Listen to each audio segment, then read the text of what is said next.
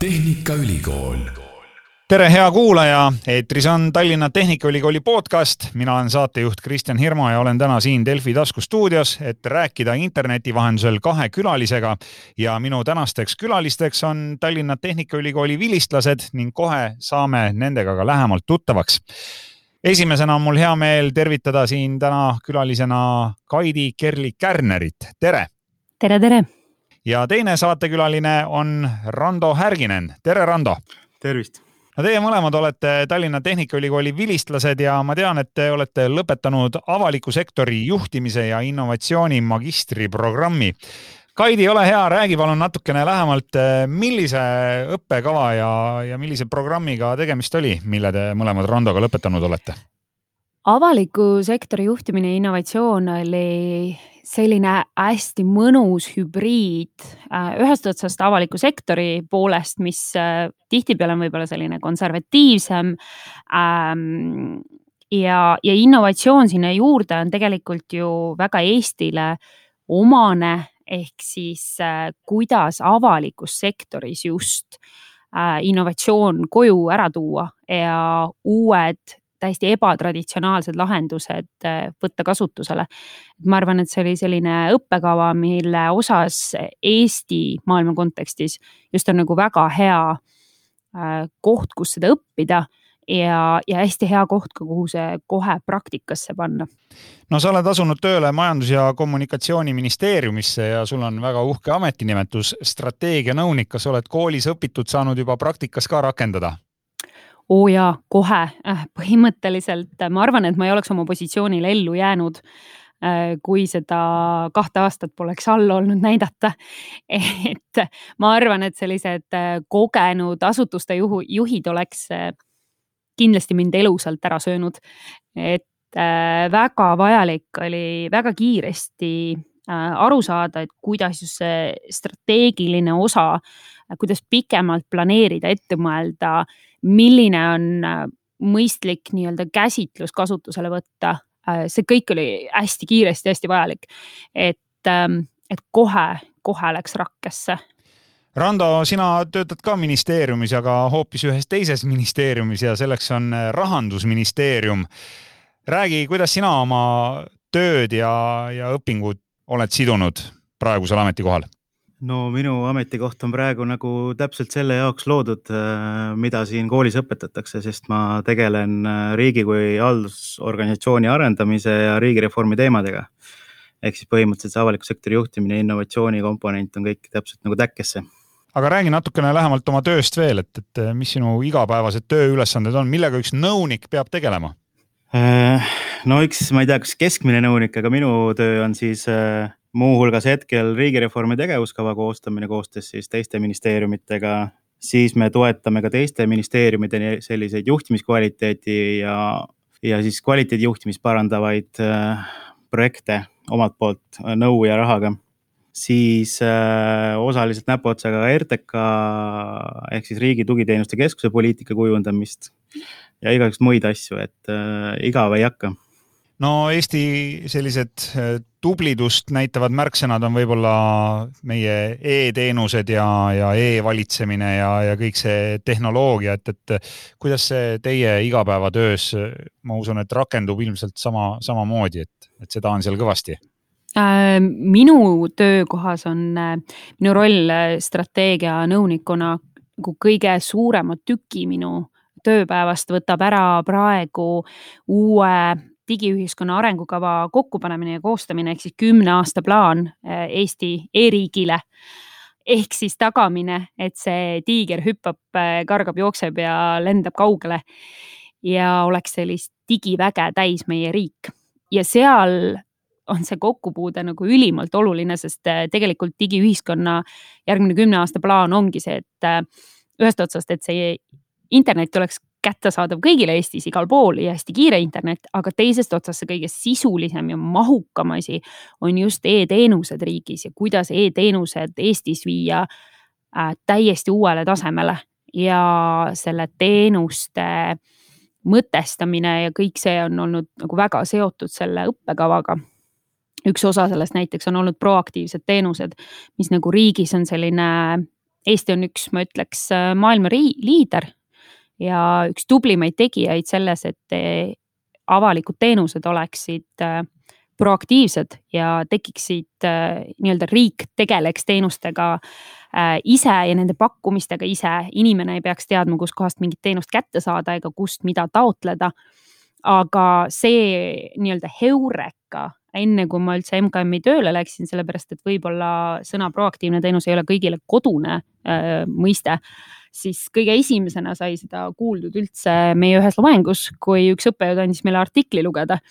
ja, ja siis äh, seal oli kirjas, et äh, on tavalised teenused ja siis on selline one stop shop, äh, kus nagu teenused on kõik ühes kohas ja inimene nii-öelda ühest majast saab kõik kätte.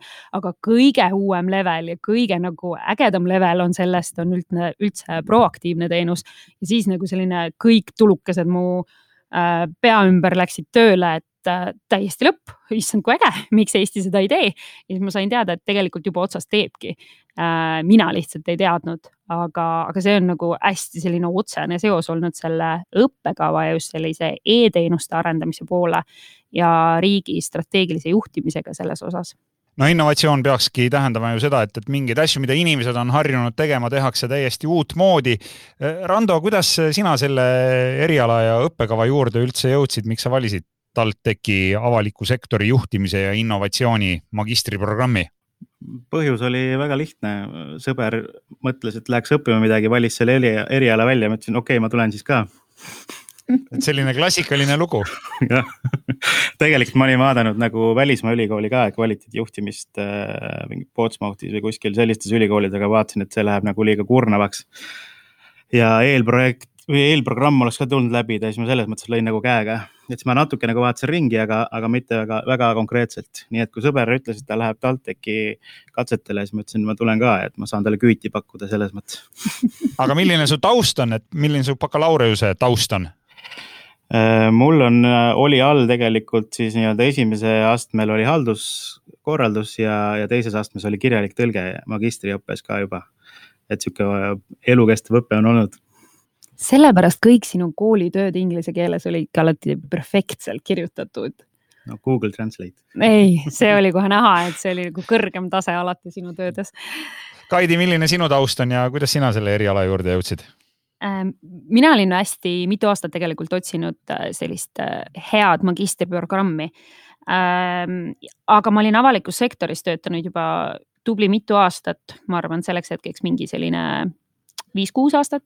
Ja ma ei leidnud ühtegi head varianti, mis nii-öelda ühest otsast äh, et see aine ja see, mida sa, kui sa kaks aastat selle vastutuse võtad, et see nagu köidaks sind, sa tunneks, et äh, okei okay,, ma jõuan nagu mingile järgmisele tasemele ka, ma ei käi lihtsalt paberi järel, vaid ma saan nagu mingi sisulise osa sealt. Äh, ma otsin väga pikalt äh, sellist head äh, magistriprogrammi. üks osa kindlasti, miks lõpuks liisk langes, oli ähm, selle õppekava nii-öelda paindlikkus ja toimumisaeg ja tegelikult magistri tasemel ikka Eestis inimesed kõik valdavalt juba töötavad ja, ja sellepärast ilmselgelt peab nagu majutuma ja väga hästi äh, muude kohustustega aga, aga tegelikult noh, sisult äh, olles avalikus sektoris töötanud mõnda aega, aga võib-olla mitte nagu sellisel strateegilise juhtimise tasandil äh,. aga ma teadsin, et mingil hetkel ma tahan selleni jõuda, et äh, rohkem peab nagu kõrgemalt ja kaugemale asju vaatama, siis ilmselgelt sellisest nii-öelda nagu meie Äh, ainekaval öeldakse tänavabürokraatiast äh, ja sellest jääb puudu. Äh, ja ma tundsingi, et, et seda just nagu ütleme, teoreetilist käsitlust, strateegilist planeerimist ja seda osa on hästi palju juurde vaja. et see sai kindlasti lõpuks nagu see otsustavaks. no Rando, kas sul oli ka töökogemus juba sellel ajal, kui sa seda magistriprogrammi õppisid Tehnikaülikoolis või sina oled selline eluaegne üliõpilane ja oled ainult siiamaani õppimisele keskendunud? Ei, äh, mul oli, ma ei oskagi öelda, viisteist aastat avaliku teenistuse staaži, ma arvan, all selleks hetkeks, et äh, nagu ma ütlesin, siis mul tegelikult praegusel töökohal, töökohal kulub see teadmine väga ära. Pluss ma sain sellise avaliku halduse teooria poolelt nagu mõtestada ka selle, selliseid erinevaid asju, mis riigis nagu riigireformi raames toimuvad. ehk siis kunagi euroraha tulles meil olid äh, loodi hästi palju euroraha asutusi ja nüüd on selline, mis, mis siis nii-öelda avaliku halduse teooria mõistes on selline tugev agentuuristumise laine oli ja nüüd on meil selline riigireformi raames siis selline igale jõule vastujõud ehk siis niisugune kokkutõmbamine. see oligi nagu selles mõttes, mis andis nagu sellise teoreetilise raamistiku e-, e-, päriselus toimuvale, et mis oli nagu minu jaoks päris kasu, kasulik. ja just äh, minu arust see, et et võib-olla avalikus sektoris töötajana kogemust omades sa näed neid protsesse ja mõtled, et äh, tihtipeale tekib tunne, et aa, et see on mingi uus protsess ja mingi uus lähenemine. Ja hästi kuidagi ähm, lohutav, samas ka üllatav oli just seda teoreetilist käsitlust näha, et ahah, okei okay,, mõned riigid on juba kakskümmend aastat tagasi selle laine nagu läbi teinud ja nähagi seda, eks ju, natukene sellises äh, pikemas perspektiivis, et okei okay,, noh, et kärpimise, tõhustamise protsessid on mujal nagu läbi käidud, seal on tegelikult aru saadud, et seal on plusse ja miinuseid, et kõike ei saa nagu ainult näiteks läbi tõhususe vaatenurgast nagu vaadata. Et, äh, et noh, mõned asjad, mis tunduvad hästi uued meile, tegelikult saad läbi teoreetilise käsitluse aru, et okei okay,, et pole siin taeval mitte midagi väga uut. See ongi tegelikult väga hea teema, sellepärast et ma olen tihtilugu kuulnud seda, kuidas äh, ülikoolis äh, õppejõud räägivad seda, et, et äh, mõnikord on tudengid, kes praktiseerivad ka samal valdkonnal, mida nad õpivad, juba tegelikult töö käigus nii palju teadmisi omandanud, et ülikoolil on neile raske nagu midagi uut pakkuda. aga kuidas teile tundub, et, et kas magistriprogrammist tuli ikkagi nii palju selliseid asju, mille peale te varem ei oleks kas ise tulnud või, või te lihtsalt ei olnud nende teemadega kursis? Te olete ikkagi ju mõlemad äh, pikalt avalikus sektoris töötanud juba. no minul oli küll, äh, ma ütlengi just see kogemus, et kuna ma olin töötanud ähm, äh, spetsialisti tasemel ja sellise äh, hästi nagu ma teen asju ära tasemel, siis, äh, siis minul sellist hästi juhtimise ja pikaajalise planeerimise kogemust ei olnud.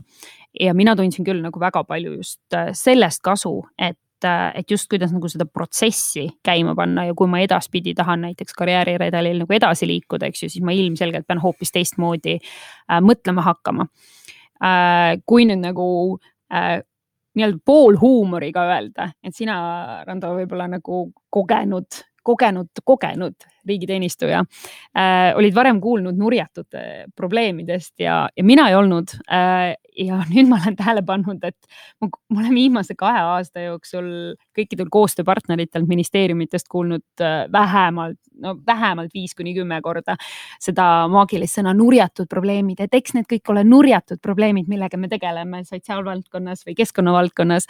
ja nüüd ma saan aru, ahaa, ja nurjatud probleemid, aga kui ma seda kahte aastat poleks läbi teinud, siis ma tõenäoliselt ei saaks aru, mida nad äh, räägivad, ma peaks laua all guugeldama, et mida see mõiste tähendab. Sina muidugi olid juba kindlasti väga kompetentne sellel teemal. Muidugi mina kui telekava püsitellijana, ma teadsin ka proaktiivsetest teenustest varem juba.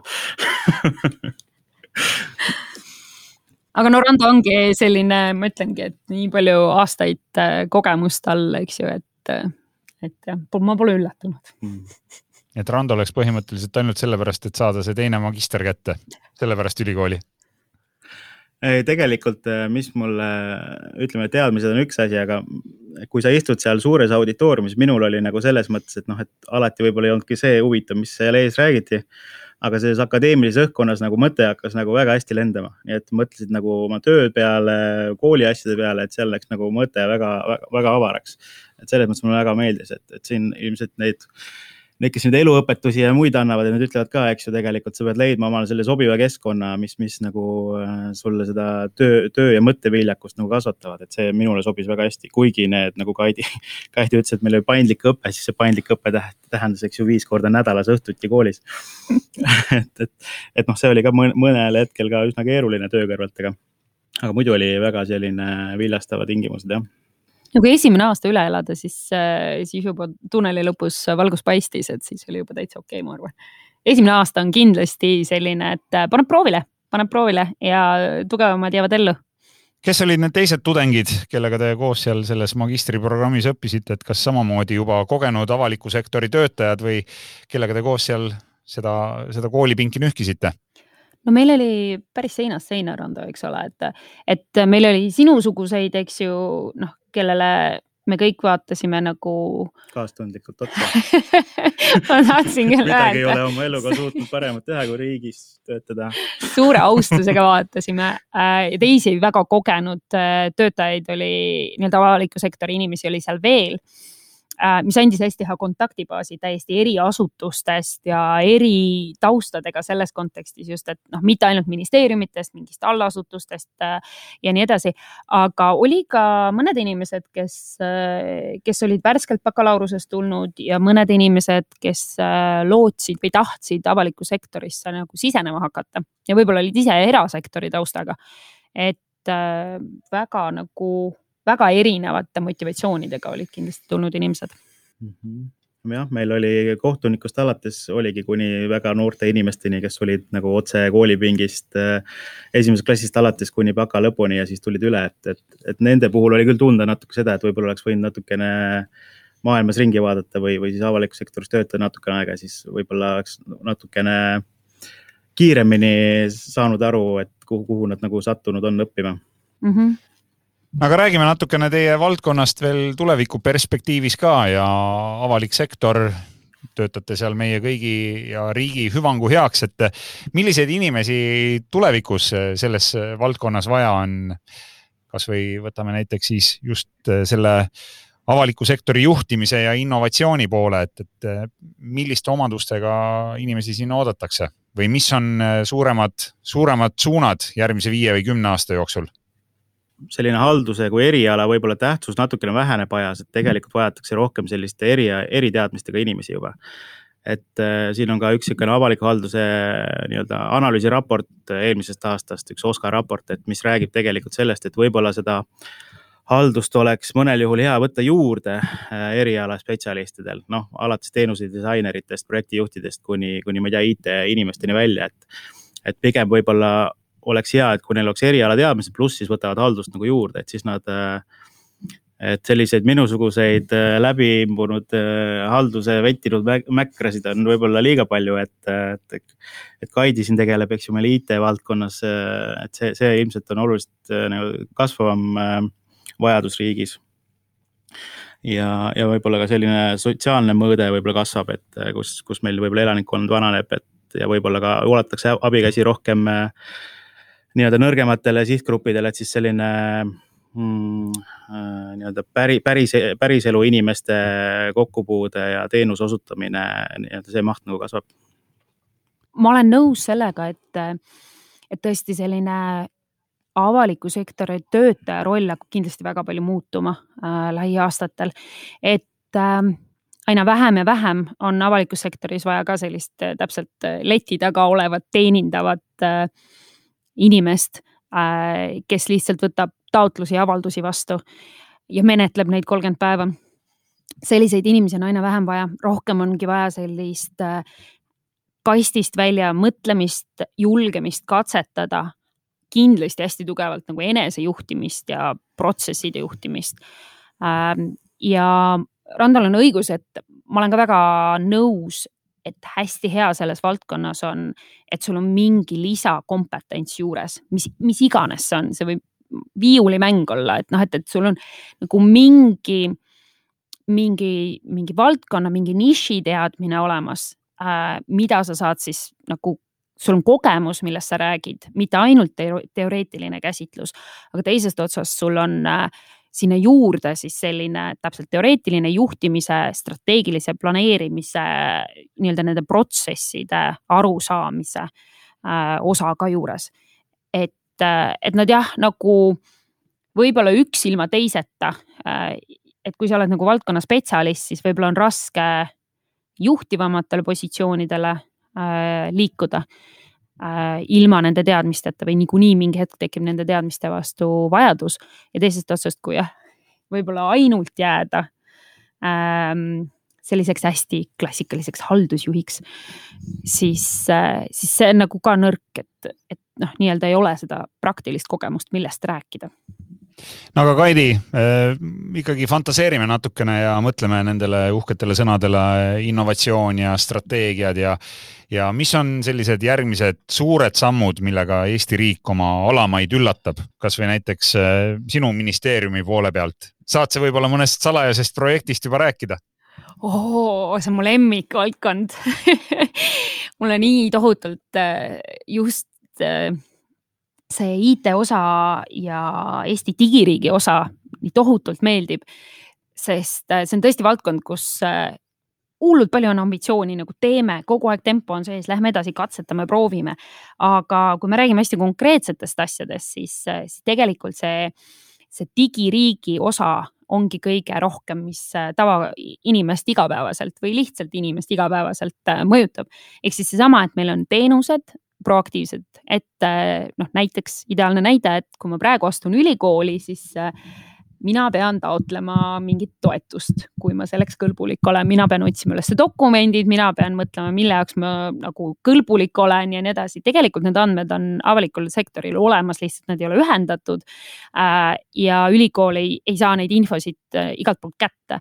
ehk siis tegelikult mõte oleks see, et sa astud ava-, ülikooli sisse ja sulle tuleb nii-öelda pakkumine meili peale, et vaadates sinu sissetulekut või vaadates sinu õppeedukust äh,. siin on need asjad, mida me saame sulle pakkuda ja, ja see kehtib kõige osas nagu pensionite osas või ükskõik millise teenuse osas sa lähed abiellud või hakkad last saama äh,. kõik need teenused, mis sealt käivituvad, inimene ise ei peaks teadma, kustkohast ma nüüd pean mingid dekreeditaotlused või mingi vanemahüvitised esitama.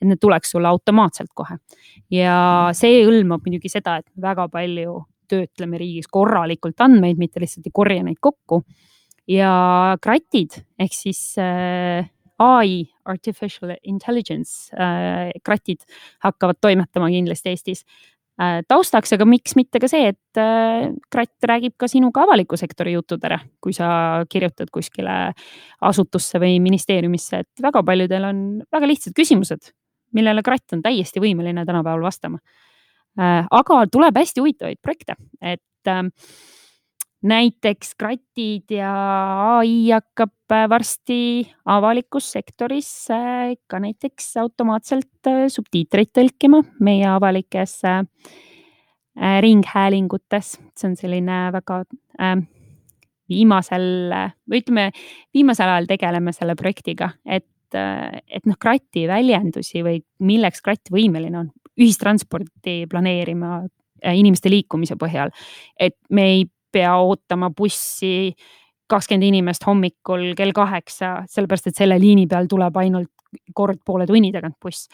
vaid kui seal on inimesi, siis ilmselgelt kratid saavad selle info kätte ja saavad sinna näiteks iga kahe minuti tagant bussi panna käima ja nii edasi no kõlab põnevalt, Rando, sul on äh, tudengina selline korralik äh, korralik kogemuste pagas, aga äkki sa oskad anda mõne hea soovituse noorele, kes täna meie podcast'i kuulab, kes on võib-olla värskelt gümnaasiumi lõpetamas ja, ja mõtleb, et mida oma eluga pihta hakata, et kas tasub ikkagi seda sõbra nõu kuulda võtta, kui teha ülikooli valikut ja õppekava valikut? ega ma nõu ei võtnudki kuulda, ma lihtsalt mõtlesin, et võiks koos käia, kui me niikuinii iga nädal kohtume. et siis võiks juba seal ka ühitada transporti. aga ei, ma arvan, et see noor, nagu ma enne juba ütlesin, et võib-olla ja trend on ka selline, et võib-olla seda halduse õppimist bakalaureuse tasemel on nagu vähem ja magist-, no vähenemas võib-olla natukene ja magistri tasemel on rohkem, et võib-olla ongi see, et õpiks äh, selle bakalaureuse tasemel mingisuguse eriala ära.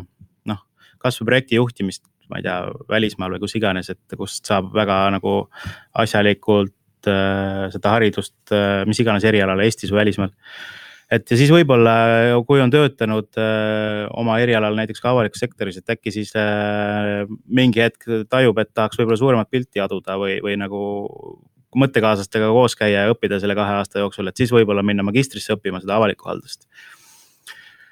Äh, et pigem nagu jah, et ma arvan, et see avalik haldus ühest küljest on selles mõttes hea, et ta annab hästi suure laia pildi, aga sa nagu õpid kõike, aga samas võib-olla ei oska mitte midagi, et et võib-olla selline konkurentsieelis on sul suurem, kui sa oled mingi eriala inimene ja selle, selle teraviku kaudu nii-öelda lendad siia avalikku sektorisse sisse no avaliku sektori juhtimist ja innovatsiooni magistri tasemel saab Tallinna Tehnikaülikoolis õppida ja kas õpetatakse seda eesti keeles või oli see ingliskeelne õpe?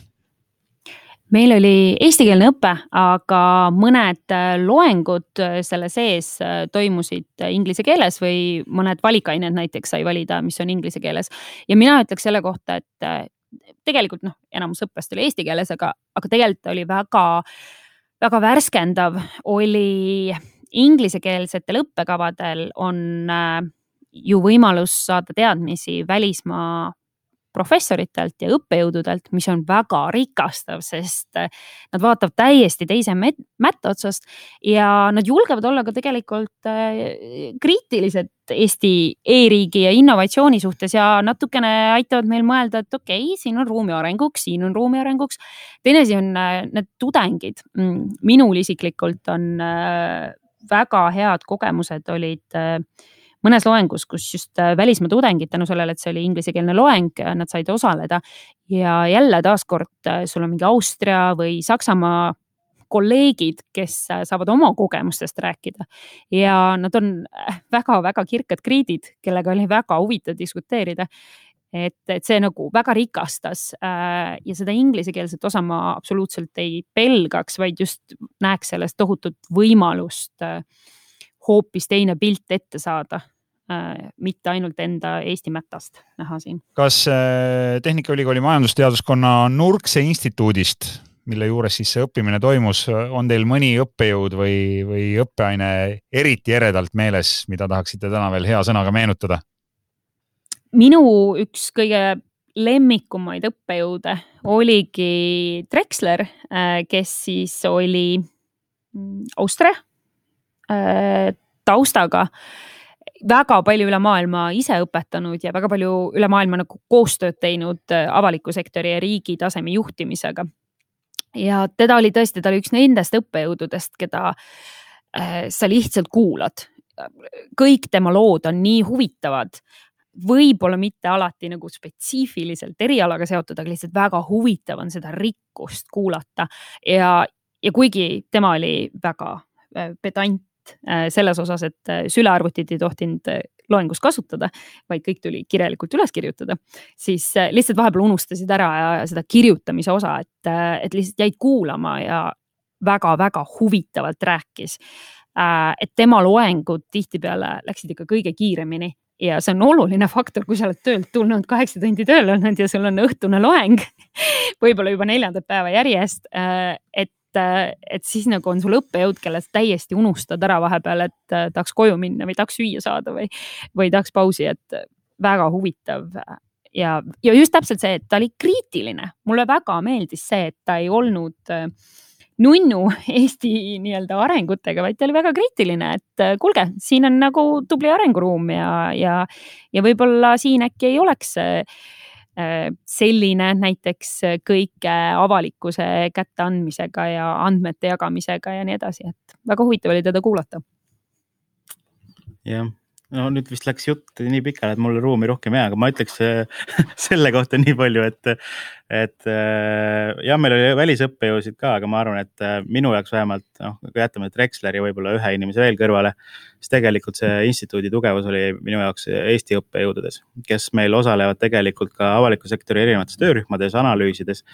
et nad on ka nagu päriselt hoiavad nagu kätt pulsil ja, ja ja teavad nagu, mida räägivad, et minule oli selles mõttes see pluss oli nagu see suur tänu siis täna jagamast oma ülikooli muljeid, Tallinna Tehnikaülikooli avaliku sektori juhtimise ja innovatsiooni vilistlased, magistriprogrammi lõpetanud Kaidi Kerli-Kärner, aitäh sulle. väga meeldiv ja väga tore oli, aitäh. ja suur tänu ka sulle, Rando Härginen, aitäh. aitäh ja suur tänu ka sulle, kes sa kuulasid ära värske TalTechi podcasti episoodi. Tallinna Tehnikaülikooli podcastid on üleval Delfi taskulehel tasku.delfi.ee ja need leiab ka Spotify'st, SoundCloud'ist ja iTunes'ist. mina olen saatejuht Kristjan Hirmu ja püsige terved.